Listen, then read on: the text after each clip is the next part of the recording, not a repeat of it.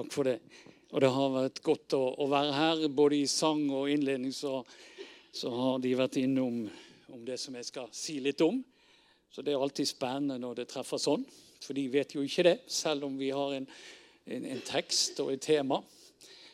Um, vi opplever i menigheten at Gud har talt til oss om at Jesus, vår Herre, sier til, noe til oss som fellesskap og som enkeltmennesker. Og det han sier til oss, er 'Kom. Kom til meg. Kom og få gratis det du trenger', sier han. Jesaja 55, Hør, alle som tørster, kom hit og få vann. Kom, dere som ikke har penger, kjøp korn så dere kan spise. Ja, kom og kjøp uten penger, uten betaling, vin og melk. Temaet denne dagen er 'Kom og bli fylt'. Og vi kan legge til 'av det gode som Gud har til oss'. Og Teksten er et flott vers fra Romerne 15, vers 13, står det Måtte håpets Gud fylle dere med all glede og fred i troen så dere kan bli rike på håp ved Den hellige ånds kraft. Fantastisk flott vers. Men dette er bønnen som Paulus ber for romerne og taler ut til, til romermenigheten. Og det er et oppløftende vers til oss som sier oss noe om hvilken Gud vi har, og hva som er godt for oss. Jeg har lyst til å si litt om sammenhengen dette verset, spesielt det som har skjedd før Paulus kommer til dette. For i kapittel 14 så tar Paulus et oppgjør med en negativ utvikling som var blant de kristne og troende, og spesielt i Rom, og gjerne i menigheten i Rom. Og det gikk på hvordan de fungerte sammen. Det var uenighet. Det var litt fordømmelse, ser vi. Og det var en, en uenighet om hva man kunne gjøre, og hva man ikke kunne gjøre som troende. Og egentlig går det litt på hva som er synd og ikke synd. Det forstår vi lettere i dag. Eh, og i vers 2 i det 15. kapittelet, altså etter dette 14., så, så sier Paulus hver og en av oss skal tenke på sin neste og gjøre det som er til det beste for ham, som tjener til å bygge opp. Så Paulus han oppmuntrer menigheten til å følge Jesu eksempel, han som ikke tenkte på seg sjøl. Jeg vil anbefale dere å lese kapittel 14 når dere kommer hjem, og se denne sammenhengen her. Og Fra vers 9 til 12 i kapittel 15 så viser Paulus til noe av det som står i Det gamle testamentet om hvordan det skal være når troende er sammen og kommer sammen, og hva vi er sammen om. Og Det står i vers 9-12, ja. Men de andre folk skal prise Gud for hans miskunn, slik det står skrevet. Derfor vil jeg prise deg blant folkene og lovsynge ditt navn. Videre heter det, gled dere, folkeslag, sammen med hans folk. Videre, og igjen, lovsyng Herren alle folk. Pris ham, alle stammer. Og Jesaja sier, Isais rotskudd skal komme, han som reiser seg for å herske over folkene. Til ham skal folkeslagene sette sitt håp. Altså Jesus er det han snakker om der. Altså istedenfor det de hadde gjort, som Paulus snakker om i kapittel 14, der de dømte hverandre, der de så ned på hverandre, der de såret hverandre, der de fristet hverandre, så skal vi som menighet, når vi kommer sammen i fellesskap av troende, legge vekt på disse gode tingene som jeg nå leste. Vi skal prise Gud for hans godhet når vi er sammen. Vi skal glede oss når vi er sammen. Vi skal lovsynge Herren når vi er sammen. Og vi skal sette vårt håp til Gud når vi er sammen. ikke det er flott? Og dette er viktig. For når dette står her i Skriften, så betyr det jo at det er noe vi skal lære av.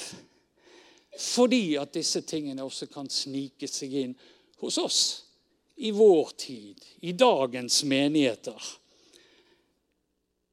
Guds tanke for menigheten og det fellesskap vi har, er bare godt. Han vil at vi som troende skal fungere sammen i kjærlighet.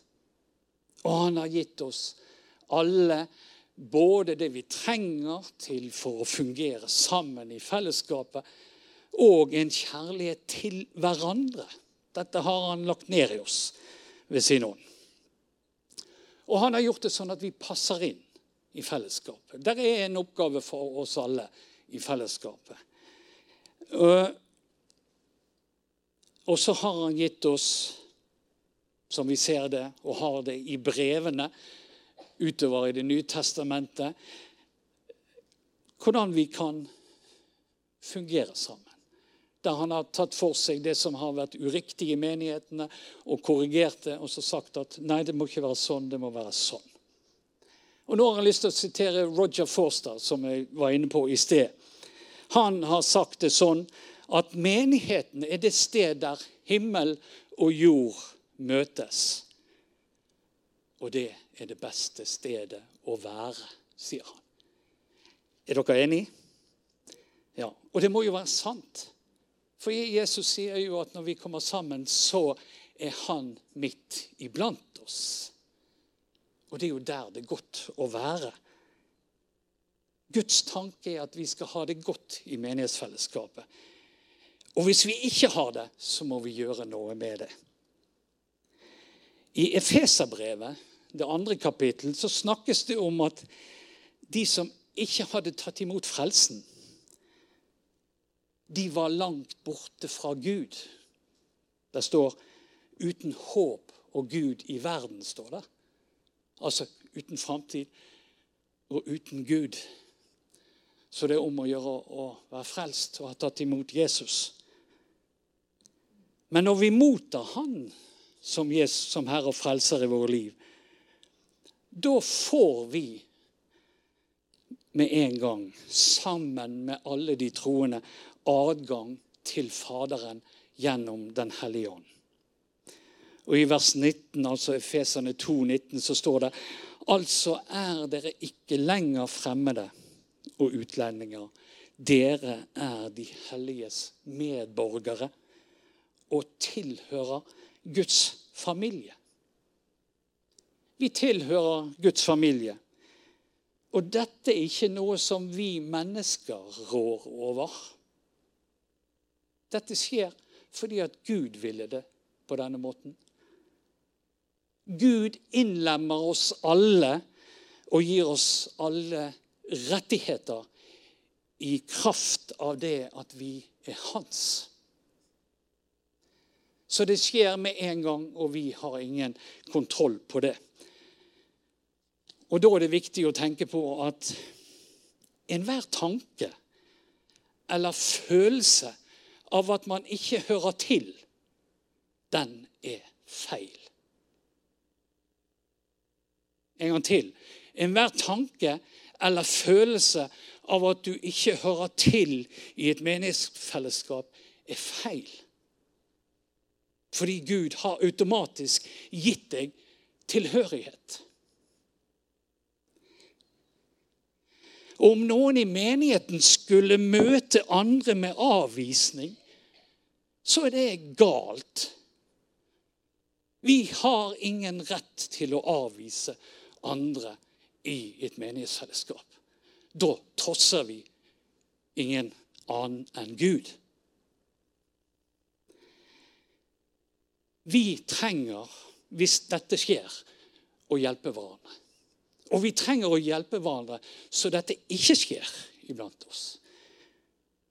Vi trenger å dele av det vi har fått, med hverandre. dele det du blir minnet om å dele, eller et ord. Og Noen ganger så deler vi oppmuntrende ord med hverandre. Andre ganger er det trøstende ord vi skal dele med hverandre. Vi skal være til velsignelse for hverandre. Og det er kjærligheten som er drivkraften i vårt fellesskap. Og det er slik Jesus har vist oss det. Han som ikke tenkte på seg sjøl. Han tenkte på de andre. Han tenkte på oss alle. Og vi er kalt til å tenke på de andre, ikke på oss sjøl. Tilbake til Romerne, det 15. kapittel. Og der står det i vers 5. Måtte Gud selv, som er kilden til tålmod og trøst, hjelpe dere til å vise enighet etter Jesu Kristi vilje. Altså Gud selv er kilden til tålmod og trøst. Det er hos Gud vi får det vi trenger. Og Det er derfor Herren sier til oss, 'Kom til meg. Kom og få. Kom og bli fylt.' Hos Gud får vi tålmod og trøst, og vi får hjelp til å vise enighet. Paulus' ønske for menigheten i Rom er tydelig, ikke sant? For at vi skal fylle oss med det som er godt. Og det er hans ønske for vår menighet. Og dette verset, og dette, det som er teksten i dag, som jeg har sitert, Romane 15, 13, det utfordrer oss til å ta imot det Gud vil gi oss ved Den hellige ånds kraft. Måtte håpets Gud fylle dere med all glede og fred i troen, så dere kan bli rike på håp ved Den hellige ånds kraft. Det er en utfordring som blir gitt til å være villig til å fylle seg. Det er ikke snakk om en passivitet her. Det er snakk om å delta og være villig. For det er vårt, vårt valg. Vi kan la være å fylle oss. Vi kan la være å ta til oss dette her. Men hvordan kan vi bli fylt? Jo, som verset sier, ved Den hellige ånds kraft. Og dette stemmer jo. Dette, dette stemmer med det andre som vi har i Skriften. Dette stemmer med åndens frukter i Galaterne 5, 22 og 23. Å bli fylt er å åpne seg opp og be Den hellige ånd komme og fylle oss. Det er det vi må gjøre. Vi må rett og slett be han om å komme. Han tvinger seg ikke på oss. Vi må åpne opp oss og si, 'Herre, jeg, fyll meg. Jeg trenger det du har.' Og menigheten trenger det du har for oss. Og når vi fyller oss med Den hellige ånd, da får vi det som er Jesu karakter. Åndens frukt er kjærlighet, glede, fred, overbærenhet, vennlighet, godhet, trofasthet, tålsomhet og selvbeherskelse. Dette får vi når vi ber Den hellige ånd komme inn i våre liv og fylle oss. Det å bli fylt av Den hellige ånd fører til en indre fred og glede. Det har dere helt sikkert hørt noen vitne om. Jeg har hørt det mange ganger, og jeg har opplevd det. Noen andre forteller om en brann, en kraft som fyller hjertet, ja, egentlig hele kroppen. Å bli fylt av Den hellige ånd kan gi nådegaver og utrustning. For det gjør han og gir oss gjennom Den hellige ånd. Noen ganger i en fylde. Det har jeg òg opplevd, og det var sterkt. Den hellige ånd vil alltid ære Jesus. Og han vil alltid hjelpe oss til å ta til oss av Guds ord Så når du blir fylt, så får du også en, en trang og lyst til å lese her. Og der trenger vi å være. I Galaterne 5,16 leser vi Lev et liv i Ånden. Det står det. Enkelt og greit. Så det er ikke en engangsforeteelse, dette her. Dette er et liv som skal leves med daglig fylde av Den hellige ånd. Og Roger Forster igjen, fordi det er han som har sagt det. Jeg må be denne bønnen hver gang. Og vi har lest bøker av andre som også sier det. Dette må de be dem hver morgen før de står opp. Jeg må be om å bli fylt av Den hellige ånd. Vi skal vandre med Den hellige ånd hver dag. Eh, som noen av dere vet, i hvert fall så var jeg for et års, år siden i Wales, på Fall Brennin. Dette er et bønne- og retreatsenter med Guds nærvær.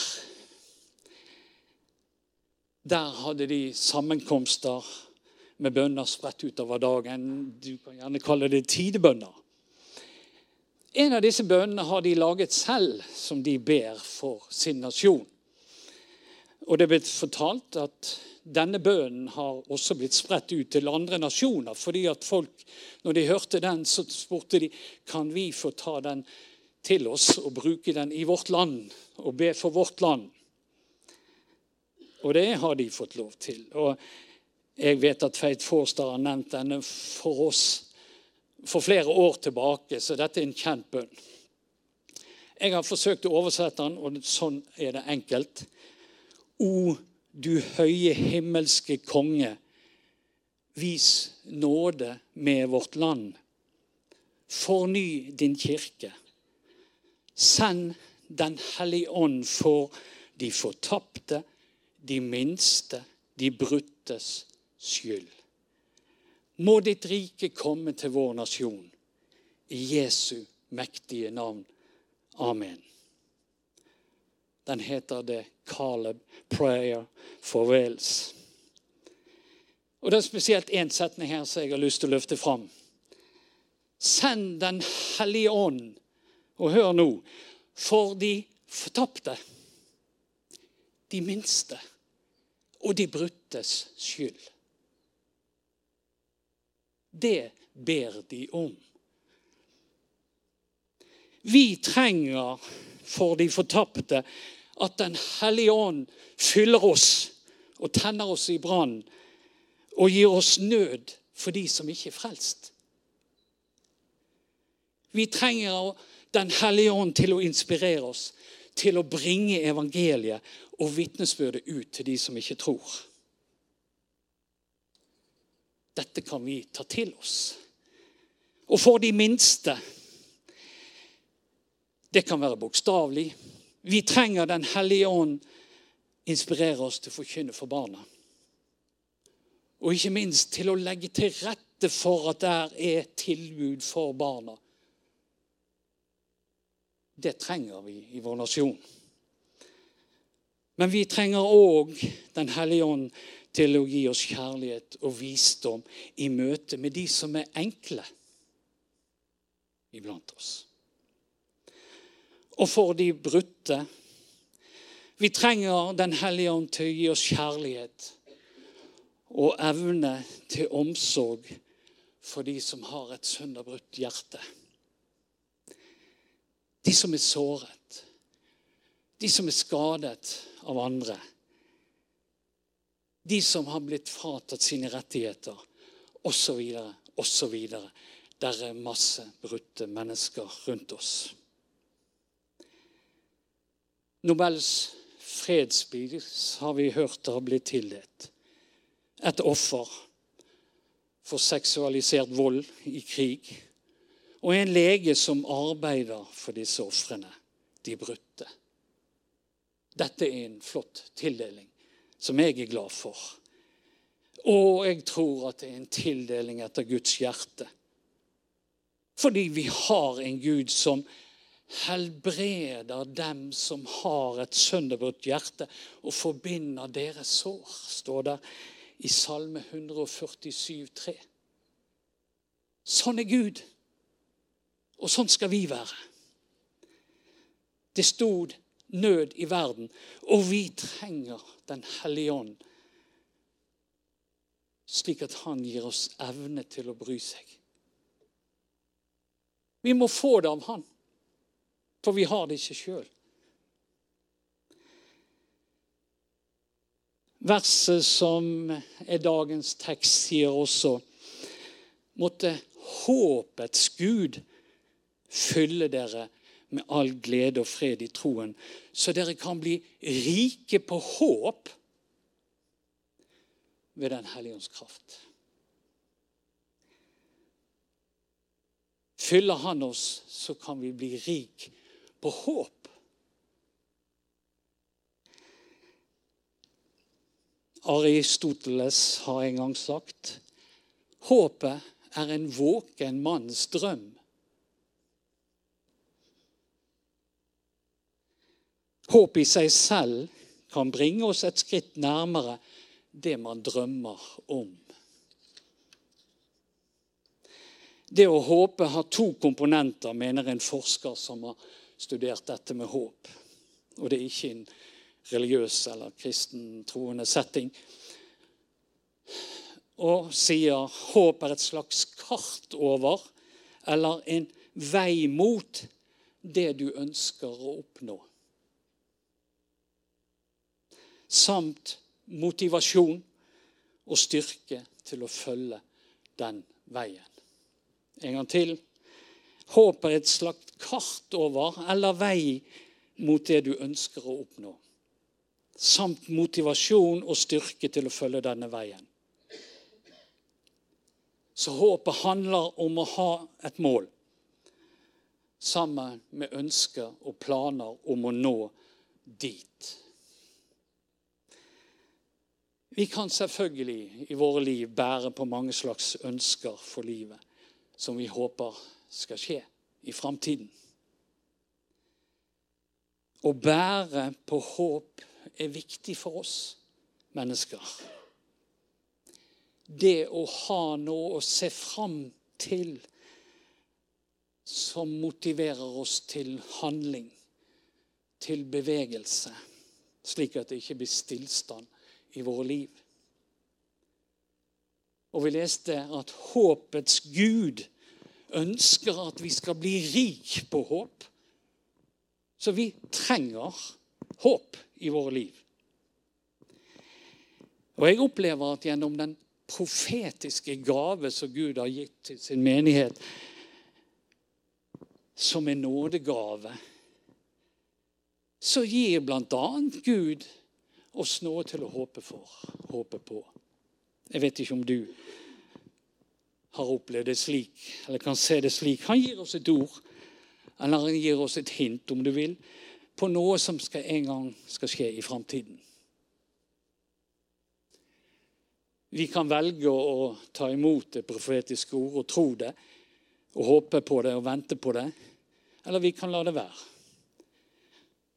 Men det er gitt oss.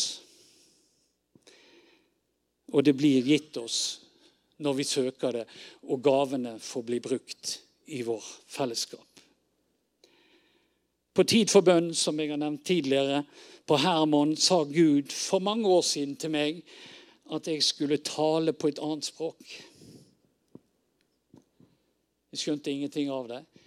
Men jeg bar det jo i meg. Men gjerne ikke på den måten jeg ville ha gjort i dag.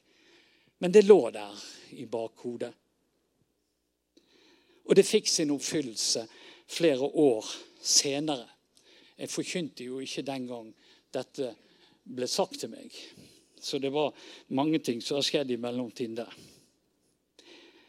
Og vi var i London. Og når vi var der borte og skulle hjem igjen, så snakket Gud til oss om at det var to veier her hjemme. De var ikke så helt like, men det var to veier.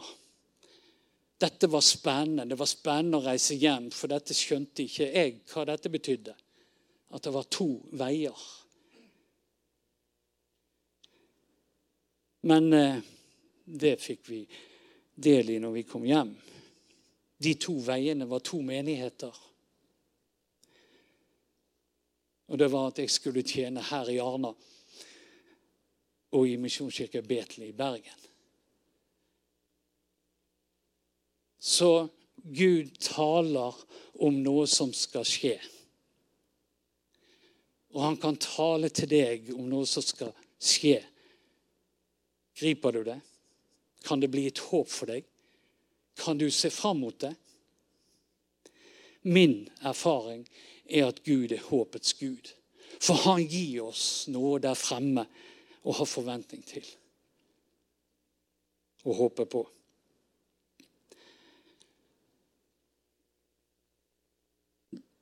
Verset i Hebreerne 11,1 som vi kjenner, knytter håpet og troen sammen.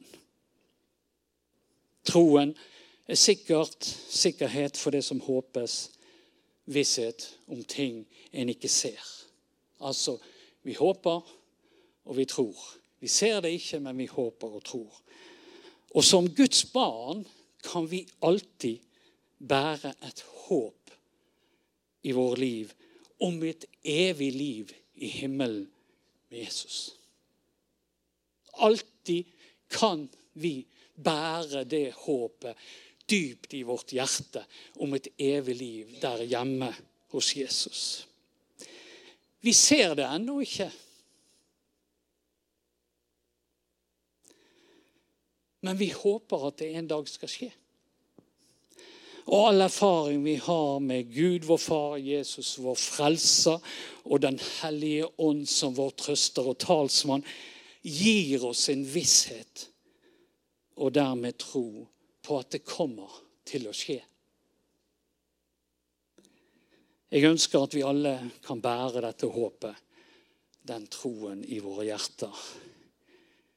Og om vi ikke bærer det i vårt hjerte, om du ikke bærer det i ditt hjerte, så er oppfordringen i dag bli fylt av Den hellige ånd. Slik at du kan bære det håpet om evigheten i ditt hjerte, det er betydningsfullt i dag.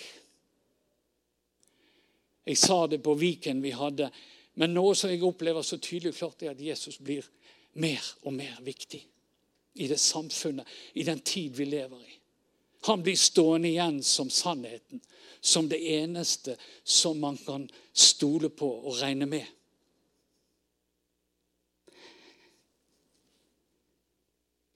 La oss søke Herren for Den hellige ånds fylde i våre liv.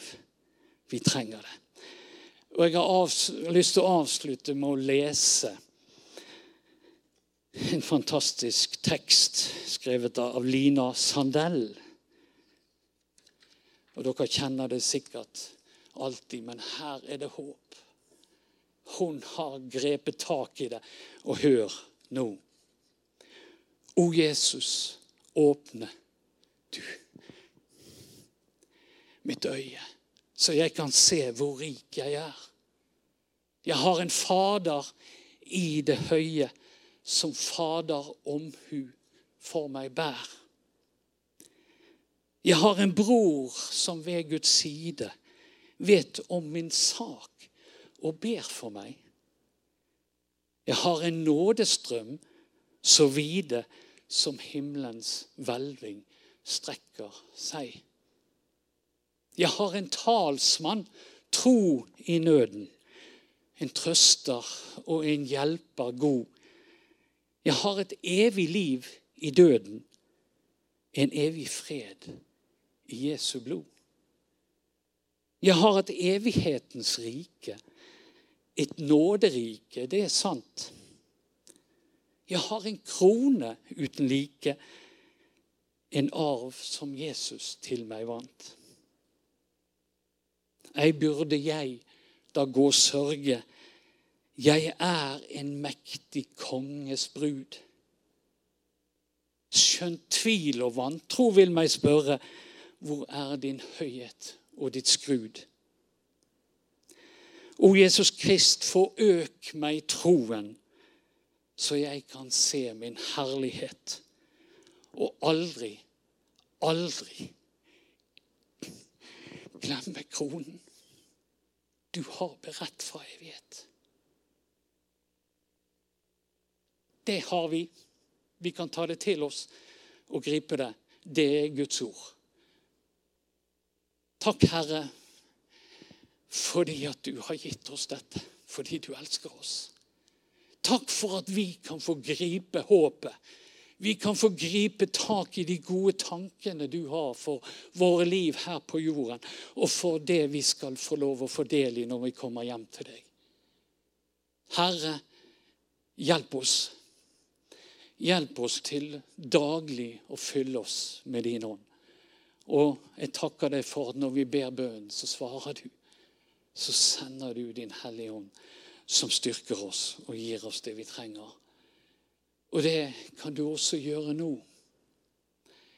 Og jeg ber Hellige Ånd, kom og fyll oss. Amen.